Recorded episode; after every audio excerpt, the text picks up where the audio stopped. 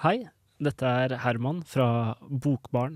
Nå følger et eh, intervju vi har gjort med den norske forfatteren Tore Remberg angående hans eh, nye roman 'Lungeflyteprøven', og litt om livet som student og alt annet som skjer i verden. Ja, Det er jo veldig hyggelig at du, du valgte å komme til oss her i Trondheim. Ja, ikke det kjekt? Ja, Jo. Det var litt OK, altså. Fordi jeg satt der um, og gjort dette noen ganger, så, så um, tenkte jeg Oslo får jo liksom greiene. Mm. Alltid. Ja. Og de er vant med det, og kanskje de er litt sånn litt for godt vant med det av og til. Og så Stavanger av at jeg kommer derfra. Mm. Og så tenkte jeg kan ikke bare gjøre en vri på det. Og så tenkte jeg Trondheim er alltid Jeg har det alltid så bra her med publikum. Ja. Hvorfor ikke uh, finne på noe? Og Så sa jeg det til forlaget, og så sa de OK. OK. Så kult. Jeg håper flere jeg håper dette, du er første er person nå som starter en bølge av eh, at folk eh, tar eh, boklansering og premierer her i Ja, Trondheim. hvorfor, altså, Ja. Ja. Fint land med mange steder. Hvorfor skal du egentlig gjøre alt i Oslo, hvis du bare tenker det litt rundt? Nei, det er jo, ja, det er jo litt, litt sånn. Det var jo altså, som alle forlagene nesten Ja, ja. skal ligge der, og alt, liksom. Og de gjør jo det. Ja. Men nei, jeg syns det var gøy, jeg. Og jeg har alltid Tilbake i Jarle Klepp-dagene, Jarle Klepp Times, så, um, så var jeg veldig mye på Eller veldig mye, flere ganger på um, Oppe på, uh, uh, på Samfunnet. Ja. Ja. Og hadde mange bra ting der. Ja. Og så var jeg ofte intervjua hos uh, Radio Revolt, ja, og kanskje dere, og sånn. Og så merket jeg bare at jeg fikk sånn bra studentgjeng ja. her. Og så merka jeg da, når jeg da kom tilbake liksom ti år etterpå, så Ja. hei, så har de blitt eh, gjerne voksnere og fått seg liv og begynt å lese, bla, bla. Ja, ja. Så det er bra for meg. Og så har jeg jo turnert i de årene jeg har reist rundt med musiker, så har jeg vært på Ladekaia tre ganger, tror jeg. Og så har jeg vært oppi det var gøy, oppi Øra Studio. Ja. Så jeg tror jeg har vært seks ganger der. Og sikkert, ja, sikkert oppimot ti ganger i Trondheim. Så jeg har liksom fått jobba med byen. ja, ja.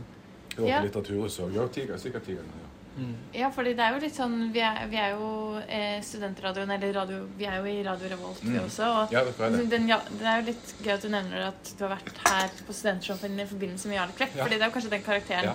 våre Ja, ja. lyttere Ja, ja. identifiserer seg mest med. Ja. Absolutt. Tror jeg. Da husker jeg første gang jeg var på studentsenter. La oss håpe at hun Studentsamfunnet. La oss håpe at hun leser. Altså, Da var det ei dame som kom og sa at hun hadde kalt opp bilen sin, som jeg tror var en liten boble, men det kan jeg ikke huske helt sikkert, etter Helge Ombo. Ja.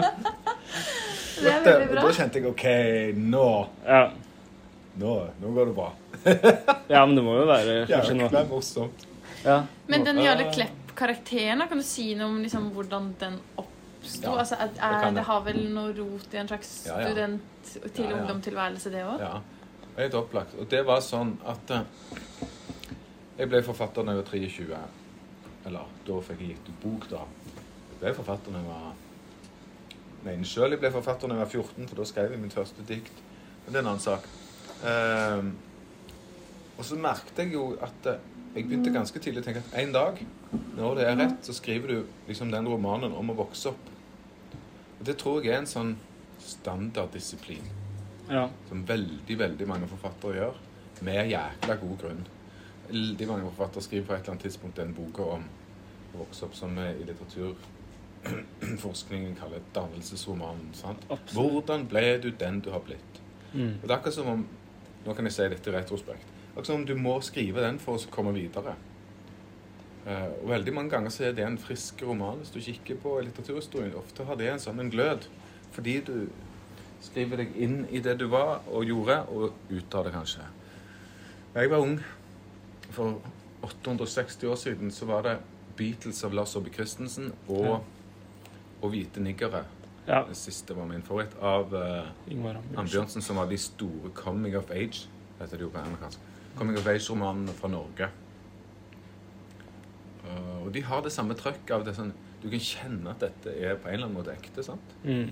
Og så hadde jeg kjente jo at jeg en dag skulle gjøre det, men så kjente jeg det andre. Og ikke for å være liksom Nå skal pappa fortelle noe, men det at du kjenner at det, kan du ikke gjøre dag Du kan ikke gjøre det to år etterpå.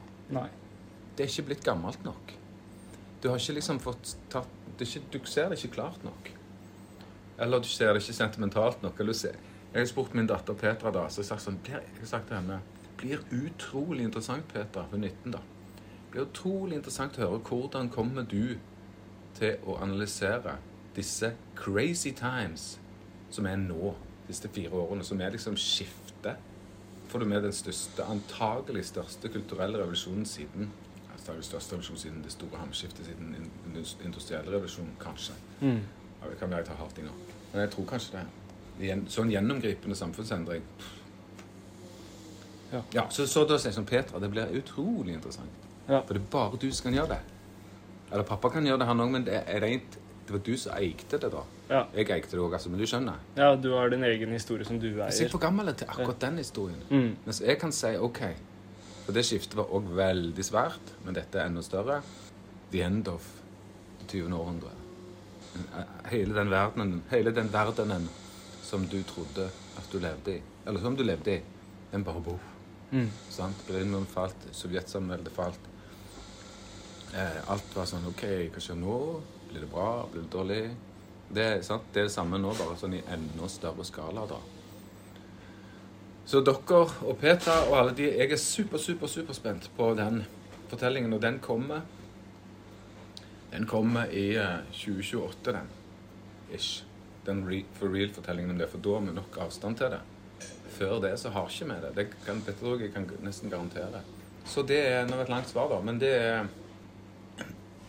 Jeg så at den romanen blir skrevet. Nei, jeg kan ikke gjøre det nå, kan ikke gjøre det nå, kan ikke gjøre det nå. Og så ble jeg 29. Gått til 29. Hadde jeg vært i Bergen, studert, Oslo, og jobba, blitt forfatter, bodd i Berlin. Så flytta jeg hjem til Stavanger, og så kjente jeg oh shit, nå Ja. Kaboom. Nå, å ja, var det sånn, ja. Akkurat. Byen, landskapet, tiden, ungdommene. Og jeg hadde òg fått tid til å begynne å savne det å være 16 og 17, Mm. som du jo ikke gjør når du Jeg gjorde iallfall ikke det. Jeg savner ikke det liksom, så, så jævla heftig grad når jeg var 22. altså. Nei. Så tenkte jeg Hæ? Og så kom jeg hjem, så skjønte jeg liksom Eller så den gløden, den både naiviteten og den nye modenheten. Altså, du føler deg jo supermoden da. Mm. Endelig ferdig med ungdomsskolen og bla, bla, bla. Men samtidig er du jo liksom bare supergrønne. Ja. Det er, du har en sånn tid der du liksom er utrolig utrolig selvsikker og føler at du eier verden, og så du, går det tre år, og så blir du helt Ja, ja, ja. Og Ja, på en måte veldig bekymringsløs, selv om liksom allikevel så er liksom de minste tingene blir jo en kjempestor krise og sånne ting. Men sammenligna med det perspektivet man får når man blir litt eldre, så er det jo man Jeg lengter i hvert fall tilbake til det bekymringsløse ved å være 16 år. Eller 11. Fy fader. Ja. Før sexen, før kranglinger med noen kjærester, før du skjønner noe som helst av politikk. Før, så bare hvor hver dag er sånn Hva skal du gjøre i dag? Skal ut og sykle! That's it, man! Fy fader, for noen dager. Mhm. Å, herregud. Kanskje bade i kveld. Ja, det kan jeg savne, altså. Ja. Bekymringsløst. Men vi har vel bruk for uh, de her, eller sånn alle i hvert fall, sånn for oss da, som er studenter og sånn, veldig bruk for uh, de her eh, ungdomsskildringene, ung voksen-skildringene, liksom fra veldig mange forfattere. Så jeg er Og, så griseheldig, da. Så helt ufattelig griseheldig at jeg klyper meg i armen at jeg fikk skrive den boken som ble det. Fra det skiftet. Og Flaks. Litt dyktigheter, men flaks òg, fordi at jeg var der akkurat da. mm, Så den boka hadde nok ikke blitt så heftig hvis den ikke skjedde i det akkurat den konteksten. Når de ungdommene har akkurat den brytningen. Første miljøbevegelsen Nei, ikke første miljøbevegelsen, men første moderne miljøbevegelsen den var veldig sterk. Det har folk kanskje ikke så god greie på i dag, men den var supersterk 88, 89, 90, 91. Bellona hele pakken der. Og vi trodde òg at verden skulle gå under. mm. Ja. Som de gjør i Dette er superinteressant. Nå er jo alle overbevist om at verden skal gå under. Og jeg sitter ikke som en gammel eh, idiot og ikke enig i at det går dårlig med klima, men må rekke opp hånden og si sånn OK, men klarer vi å skille mellom hva som er menneskets evige angst for apokalypsen? Vi var pisseredde. Dette er til å le av, men aids ja. skal jo utslette verden på et tidspunkt, og så videre. Så det er, har jeg tenkt, dette har jeg grubla masse på. jeg tenker på alle prester opp gjennom tidene som har stått sånn Nå sant? Nå går det under. Fordi dere, Før var jo forklaringsmodellen at det er vår feil. Du har vært så syndig. sant? Men så leste jeg òg på 1600-tallet, som jo var mitt eh, opplegg, at det var òg en helt parallell teori til de syndige menneskene, som var at jorda tok hevn. Så noen mente det var Gud som tok hevn, og noen mente at ja, sikkert Gud, men at jorden tok hevn. da. Tenker du at det er noe av det du snakker om nå, eller noe av dagens unge lesere av eh, Jarle-romanene eller eh, Mm. kan lære av Jarle? Sånn sett? Altså Jeg beundrer litteraturen. Jeg beundrer hva den kan utrette, hva den kan skape i deg, hva den kan gi deg av opplevelser og innsikter og sånn. Eh, lære av høres litt, litt instrumentelt ut, men jeg forstår hva du spør etter. og Jeg tenker jo sånn sjøl òg. Eller er det noen verdier lærer, som presenteres lærer- i den boka? Ja, Da? det er det. Du lærer, å, du lærer å se livet, du lærer å reflektere. Litteraturen lærer deg å reflektere, det er helt overbevist om. men Den er med deg å reflektere. Mm. Det er jeg helt sikker på. Men når det gjelder akkurat verdier, da, så kan jeg ikke si noe annet enn at jeg er skikkelig stolt over at jeg som heterofil, dessverre, eh, skrev en roman hvor en heterofil gutt plutselig forelsker seg i en gutt. Og bare det grepet, som jeg var veldig bevisst på den gangen, det er blitt veldig moderne. Ja. For han er ikke homofilt eh, Han sier ikke at han er homofil. Og han nekter på en måte å si det, eller romanen nekter å si det. Han sier bare det skjedde. Ja. Så kan han kanskje ha blitt sammen med ei dame etterpå. Ja, det vet vi nok at han gjorde pga. en senere bok, men det var ikke poenget mitt den gangen. Jeg ville bare si at det er mulig. Mm. Det er ikke, eh, ja, verden syns det var farlig da, men det gjør den jo ennå. Eh, og det kjenner jeg at Å, det er så kult at jeg gjorde det. Og at det Nå er det skikkelig sånn Det er jo det som er eh, Det er der jeg tror vi er, og, og havner, og skal være. Ja. Og det er en verdi. Det er en menneskeverdi eh, som sier kjærlighet Ja. er urørlig. Det er det den boka sier, egentlig. Det er for alle. Så lenge du ikke dreper noen pga. at du er forelska, så er det ingen som har noe med å legge seg oppi. Mm. Og det liker jeg skikkelig godt med den boken. Kan Jeg er stolt av. Mm. Vi, snakker bare om han som elsker Dynge for å snakke om alle Jarle Klepp-bøkene. ja, men vi kan jo på en måte si at du har eh, klart å liksom, gjennom den dannelsesromanen da, Mm. sette ord på det som er så vanskelig i den moderne ja. verden med å finne seg selv da, Ja, og vite hvem man er. Og så tenker jeg sånn, Det som jeg kanskje har digga mest med den boka, som jeg tror er grunnen til at den lykkes Det er ikke min beste bok, det er masse flås og feil med den, men eh, Den er så energisk. Mm. Den har så trøkk. Og det er ikke alltid like lett å få til i litteraturen. Og det passer en sånn roman om den tiden. Så det trøkket og den energien, de kler, kler innholdet, ikke sant? Mm. Husker jeg tenkte på det som et dobbeltalbum. Hvis du graver litt i den boken, så vil du se at han har 19 ish kapitler. Så jeg husker jeg komponerte det litt som en sånn Det er faktisk ingen som har skrevet om dette. sånn. Det er noe litt softere, mykere kapitler, og så er det noen som er helt sånn. Mm. Så jeg husker jeg satt med Jeg var så opptatt av London Calling av The Clash, Ja. som er det verdens beste dobbeltalbum ish. Altså. Så skulle jeg tenkte jeg, ja, går det an å komponere en roman sånn? Så det hadde jeg i hvert fall som en Det betyr ikke noe, og så betyr det noe. Ja. Mm. Nei, men dere hører jeg er stolt av den boka, så det har jeg lov å være. Ikke alle bøkene mine er der, men eh, ja. Og. 'Kompani Orheim' er nok en bedre roman, viktigere roman. Det er de to beste der. Nei, dette er, dette er mine gamle dager òg, Rop. Um, men 'Kompani Orheim' står nok som en sånn Det blir sikkert stående, den boka. Det står som en viktig roman. Mm. Men det handler om noe helt annet. Ja. Mm. Og dette er jo romaner som du, eh, i hvert fall om Jarle Klepp, som du skrev da du var relativt ung. 30, 32, 33 mm. Ikke så lang tid etter at du hadde vært eh, student. da. Mm, mm. Og Er det noe du leste da du var student som har liksom preget forfatterskapet ditt ordentlig? Ordentlig. Ja. Jeg studerte jo Takk og lov, da. Takk og lov så studerte jeg eh, litteraturvitenskap og filosofi. Så bare angrer jeg på at jeg ikke tok historie, da. Mm. Angrer dypt på det. Altså, jeg var så sinnssykt sulten på litteratur at det var det jeg skulle liksom Det var helt sånn Det var et matfat for meg som bare jafsa i meg. Så jeg dro fra Stavanger opp til Bergen. Og jeg, jeg slukte alt sammen. Homer, Odysseen og og alt mulig. Og noe av det har påvirka meg veldig sterkt, men alt har vært dannende. sant? Fordi at det du lærer deg, en tradisjon. Noen ting syntes jeg var kjedelig. Don Quijote syntes jeg var utrolig lang. Uh, jeg var en av de som ikke forsto meg Eller altså til fyret To the Lighthouse av uh, Virginia Woolf. Jeg turte jo nesten ikke si det høyt, men jeg syntes det var så jækla treigt. Å, herregud, for en treig bok. Mm. Er det mulig? Og så skjønte jeg nok bare etter hvert at det er en liksom temperamentsting.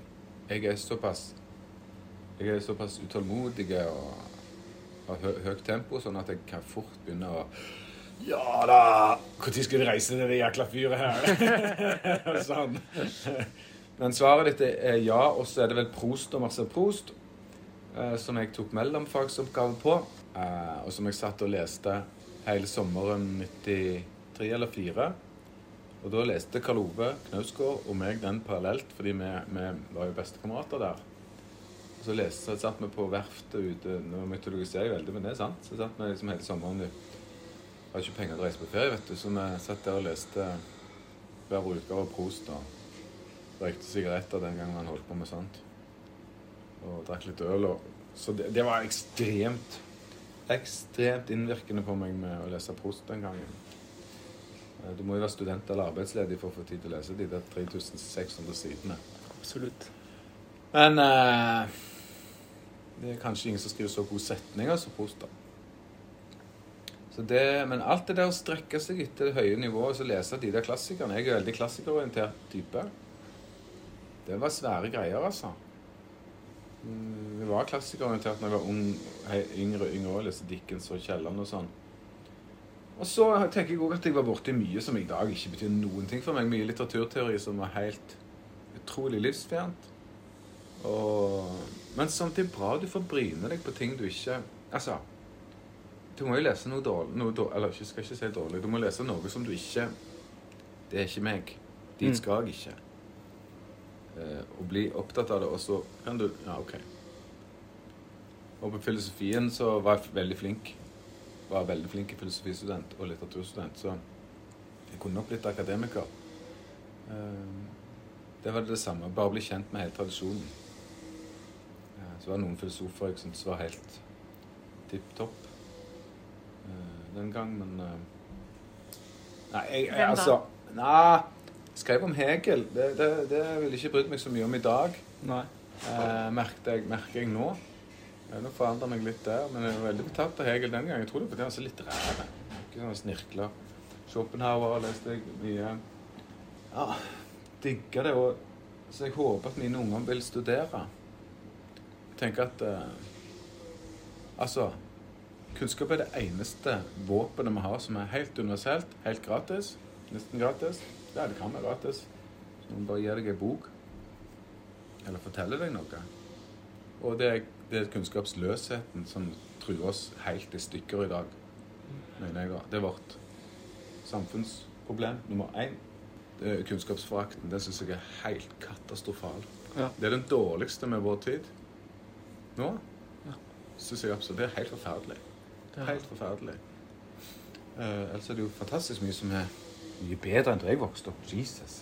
Kreftforskning, feminisme. Det var mye skit på 80-tallet. Altså.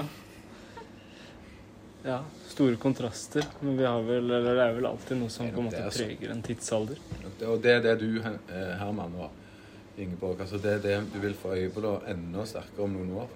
Mens nå står vi jo midt oppi denne så Det er nok en storm. Ja. Det er nok en storm akkurat nå. Som dere det misunner dere jo det litt, da. Mange har misunna meg mange Før dette som skjedde nå, så har jeg hørt mye sånn eh, Å, skulle ønske jeg vokste opp i 1990. Så kult. Det hørte jeg mye i de første årene med den romanen. Og nå tror jeg det kommer til å komme folk som kommer til å si senere at Jesus, dere var Det var heftig tid med, med dickpics og, Ja. og whatever. Sånn crazy shit og gående nå.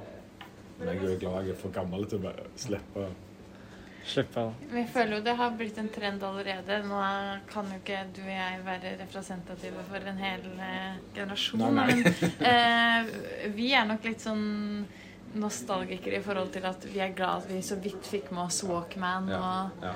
det her. Og liksom ja. Savner litt en Ja. mindre digital tid, kanskje. Det er min, mindre min sånn datter òg. Hun sier sånn Ja, men jeg husker DVD-en, sier hun Ja. til broren sin, som ikke husker den. Altså, det kom uh, er bound to uh, Altså, sammen etter Eller misunnelsen på denne analoge verden, den kommer til å slå uh, Hvis ikke, hvis ikke jeg helt null, har jeg null profeti i meg. Mm. Opplagt det, fordi det er noe så utrolig sjarmerende med det. Ja. Fantastisk sjarmerende med det. Ja. Altså, jeg gikk forbi uh, På kontoret mitt hjemme jeg liksom, satt for mange ting som er som et slags museum over livet mitt, bare for å liksom kjenne på det. Så der er den gamle kassettspilleren min. Så er det sånne Star Wars-figurer fra 80-åra, sånn Stormtrooper og Darth Vader og sånn. Og så har jeg uh, en sånn Commodore 64. Ja. Og så kjenner jeg at eh, herregud, så, så konkret. Så sinnssykt konkret og taktilt. Mm. Og det savner jeg. Det savner jeg. Og jeg, forst- jeg har vokst opp sånn at jeg forstår ikke helt verden hvis jeg ikke kan ta på den. Ja. ja, for det er liksom Det må jo være et sånn savn som bygger seg opp, Ja. eh, i hvert fall Ja. i ja, i kanskje i alle generasjoner. Ja. Tilbake til det analoge med foto og Litt sånn. sånn. Det lover jo veldig bra for uh, Jarle-seriens videre lesning, da. Hvis uh, Ja, lover folk savner liksom, det, det her ekko av det analoge, Hvert så vil man snu seg til litteraturen for å få- Hvert eneste år så tror jeg at folk skal slutte å lese de der bøkene, for liksom det er så old. Mm. Men så er det et eller annet med de. Uh, og nå er det dette skeive, da, eller Nei, ja, hva er det nå er for noe? Kjærlighet. Mm. Eh, så tok den et standpunkt som var så bra. Skikkelig, skikkelig glad for det. Så det har nok òg betydning. At Mm. det skjedde, da. Ja. ja, og det er jo på en måte en periode av forfatterskapet, men du er jo også ute med en ny bok nå. Mm. Mm. 'Lungeflyteprøven'. Ja, Kan du fortelle litt om den? jeg kan det. Å si helt kort først at jeg Da jeg var ung, da, så sirkulerte et sånt ideal om at det å være forfatter, det var å finne sin stemme. Og med det forsto jeg det som om det var liksom sånn Jon Fosse, eh, kanskje Vigdis Hjorth, ja, eh, Dag Solstad, whatever, som har én klang. Mm. som går til hvert, ethvert materiale med samme optikk og samme metode. Mange strålende Prost, herregud. Mange strålende forfattere som jeg liker, gjør det. Og så husker jeg var tidlig i forfatterskapet mitt sånn Fader òg, hva er min stemme? Så merket jeg ganske tidlig at jeg holder på å forandre meg hele tiden. Jeg er veldig urolig. Og så, har jeg, så forsto jeg at ja, men du har jo en annen måte å tenke på, du, Tore. Eh, jeg forsto tidlig at jeg går til hvert materiale og så leter jeg etter den klangen og den tonen og den måten å operere på som det materialet ber om. Og da blir den forskjellig i min måte å gjøre det på. Og Derfor vil du se at dette forandrer seg heftig mye i så å si alle bøkene mine. Til og med innad i alle Klepp-serien vil du finne ulike fortellerstemmer og ulike måter å gjøre det på. Så fra å være liksom nervøs og litt sånn hm, har ikke jeg en stemme? Så skjønte jeg at det var min stemme. Ja. Å holde på med sånn kor av folk som synger. Og Det var det jeg ville si, for nå forandrer vi nok en gang. ikke sant? Nå er det lungeflyteprøve. Nå er det liksom en historisk roman fra 1600-tallet. Så da måtte jeg, sant? Her skulle jeg da fortelle historien om en faktisk kriminalsak og rettssak som foregår i 1680-årene, som jeg har funnet. Tra en tragedie med en ung jente som blir tiltalt for spedbarnsdrap når hun er 15 år. Så forferdelig. Og så er det et rettssalsdrama, ja. Er det... Men ja, det handler om en faktisk kriminalsak. Og så tenkte jeg hmm, hvordan skal du fortelle dette? Hvis du som meg, du vil inn der, da. Du vil liksom inn på 1600-tallet. Så jeg vil ikke sitte her i 2023 og observere de som 2023, da. Jeg vil prøve å komme nærmere, er, det mulig? Liksom. Så derfor måtte jeg gjøre noen sånne grep. Bruke et annet språk. Jeg tenkte at dette er akkurat som om Dickens skal skrive om denne historien. Ja. Så jeg la meg på et sånn et 1860 som om jeg er Dickens. Du forstår hva jeg mener? Det er ikke, det er ikke at jeg tror at jeg er det, men at jeg liksom For det, da har du en saksiktlinje siktlinje til 1600-tallet, og så er du nærme nok vår tid til at du kan kommunisere da. Ja. Det som skjedde da, det var at jeg, eh, jeg holdt på for noen år siden å studere litt rettsmedisin fordi jeg skrev om noe annet. Og så leste jeg i et historisk oversiktsverk, det sto der Moderne rettsmedisin kan dateres til 1681, da den tyske legen Johannes Schreier utførte den første lungeflyteprøven, og dermed reddet 15 år gamle Anna Vogts liv. Lungeflyteprøven? Hva i all verden? Jeg har aldri hørt om det. Så begynte jeg å google rundt. Da finner jeg veldig lite. Bare henvisninger i medisinske verk. Hun har Anna Vogt liksom borte. Ingen har brydd seg om hennes historie. Grav og grav finner fint lite. Og til slutt så finner jeg henvisninger til noen originale kilder. Da skjønner jeg at dette har ikke vært skrevet om siden begynnelsen av 1700-tallet. Av han advokaten sjøl som førte saken, og han legen som fremførte denne prøven. Og så tenkte jeg Shit. Nå. Dette materialet. Og så så jeg at det foregikk akkurat i skjæringspunktet mellom gammel tid og opplysningstiden. Altså vår tids fødsel, kan du si. Det foregikk i den tiden da demokrati, barnerettigheter, kvinners rettigheter, eh, svakerstiltes rettigheter, psykisk helse det, Ingenting av det fantes. Tenk på det. Mm. Noen hadde, men noen hadde begynt å tenke tanken. Skal vi ha et samfunn uten tortur? Hey. kanskje vi skal ha et samfunn uten dødsstraff? Skal vi kanskje la folk få ha ytringsfrihet? Tenk det. det er det de, disse tingene begynner da. Og så får vi denne romanen, eller denne historien nå, akkurat der. Og denne lungeflyteprøven er et medisinsk bevis som her ble ført fram for retten for første gang som kan fortelle om barnet levde i mors mage eller døde etterpå. Ja. Så når de kan fremføre det for retten i en spedbarnsdrapssak, så er det ikke teologene, filosofene, dommerne, juristene, vitnene som sier Nei, jeg tror at den ungen var død, eller Gud mener det, eller sant? Da kan han legge det på bordet, så kan han si Hør nå her, du.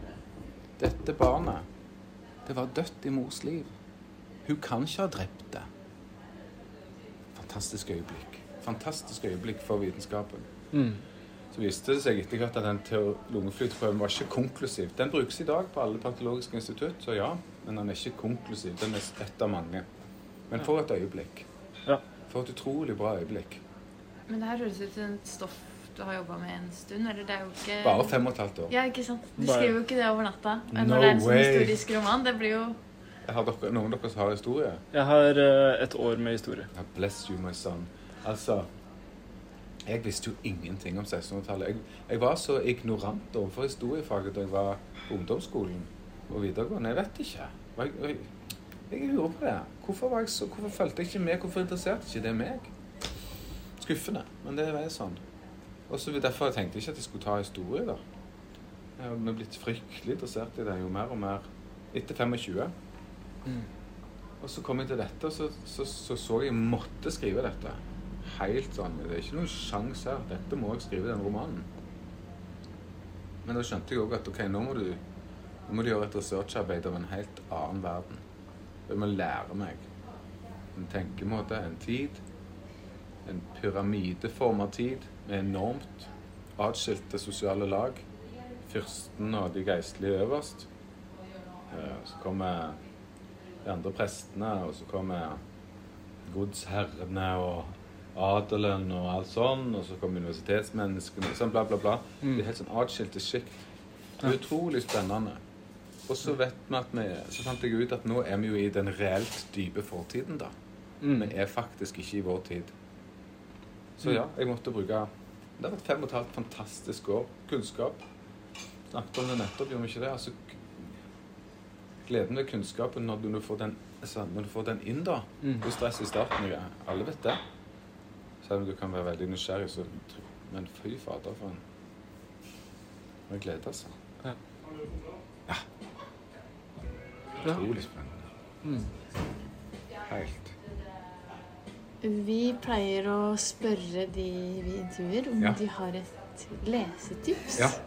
Ev- Eventuelt flere, hvis du har flere. Akkurat. OK. En helt utrolig kul bok som jeg eh, Da fantes en, en av de store magiske realistene eh, sammen med liksom Isabel Allende og Borges Borges, Borges jeg er ikke argentiner. Eh, som heter Italo Calvino. da. Som jeg var veldig opptatt av i studietiden. Ja. Hvis en reisende en vinternatt og Og så er det denne boka da, som stått der. 'Klatrebaronen' heter han. Og det var jo helt motsatt Tore Renberg, for han var jo en leken tøysegutt. Eh, Veldig, veldig klok, men han lagde romanene sine sånn trippende lette, sånn at det, ja. Uansett, denne klatrebaronen har et setup som er helt fantastisk. Eh, Den er lagt til ja, 1700-tallet, tror jeg. Overklasse. eh, Overklassefamilie, og der sitter da eh, familien og spiser middag en dag. Og så plutselig ser han unge gutten på I don't know, 10-12 år Når maten blir satt fram, så sier han nei, jeg vil ikke spise dette. Ikke spise dette, sier foreldrene. Du skal spise dette, sier faren. Nei, han vil ikke spise denne maten her. Så springer han ut av huset. Og springer rett ut av huset. Og så klatrer han opp i et tre. Og så sier du du må komme ned og spise maten din. Og så blir han oppi trærne resten av livet. Satt han. Ja. For en utrolig idé. Og han, der oppe bygger han seg et liv, da. Han også begynner etter hvert med han, Altså med hu, han, Ikke hus, men han All slags entreprenørvirksomhet driver han for å skape verdensfred der oppe. Fra trærne. Og menneskene der nede begynner sånn Ja, hva sier klatrebaronen i dag? Ja. Helt utrolig morsom bok, og skikkelig sånn Du vet de romanene som klarer bare sånn å snu perspektivet. ja. Så den hadde jeg glemt. Alle har glemt den boka. Eh, helt briljant. Han døde. denne slags jubileum i år, han da. Italo Calvino. Og det var gøy, vet du, for akkurat nå snakker ingen om Italo Calvino. Og for 20 år siden så var det sånn Italo Calvino, Italo Calvino. ja. Det er herlig også. En deilig følelse. Du oppdager en eller annen musikk som er sånn Hei, hvorfor er ingen som hører på dette lenger? Mm. Det er deilig. ja. Så den, den holder jeg den, Det føles fint å rope ut om den. Gå på biblioteket, eller se om det er en pocket i på Nordli her. Nordregata. Ja, ja. Stemmer. Vi må alltid anbefale bøker til hverandre, tenker jeg. Fordi alle har lest et eller annet som jeg ikke har lest. og Men der spiller litteratur en viktig rolle. Jeg kan ikke eh, har ikke telling på hvor mange boktips jeg har fått gjennom andre bøker. Ja, Fordi ikke sant? Mm. eh, eh, Jarle skriver om Marcel Proust, Ja, eller altså enig. Mm. Jeg er helt enig. Eh, ja, helt enig. Og det må vi jo gjøre. Vi må holde på sånn. Og anbefale. Tusen takk for at du hørte på dette intervjuet med Bokbaren og Tore Remberg. Ha det bra.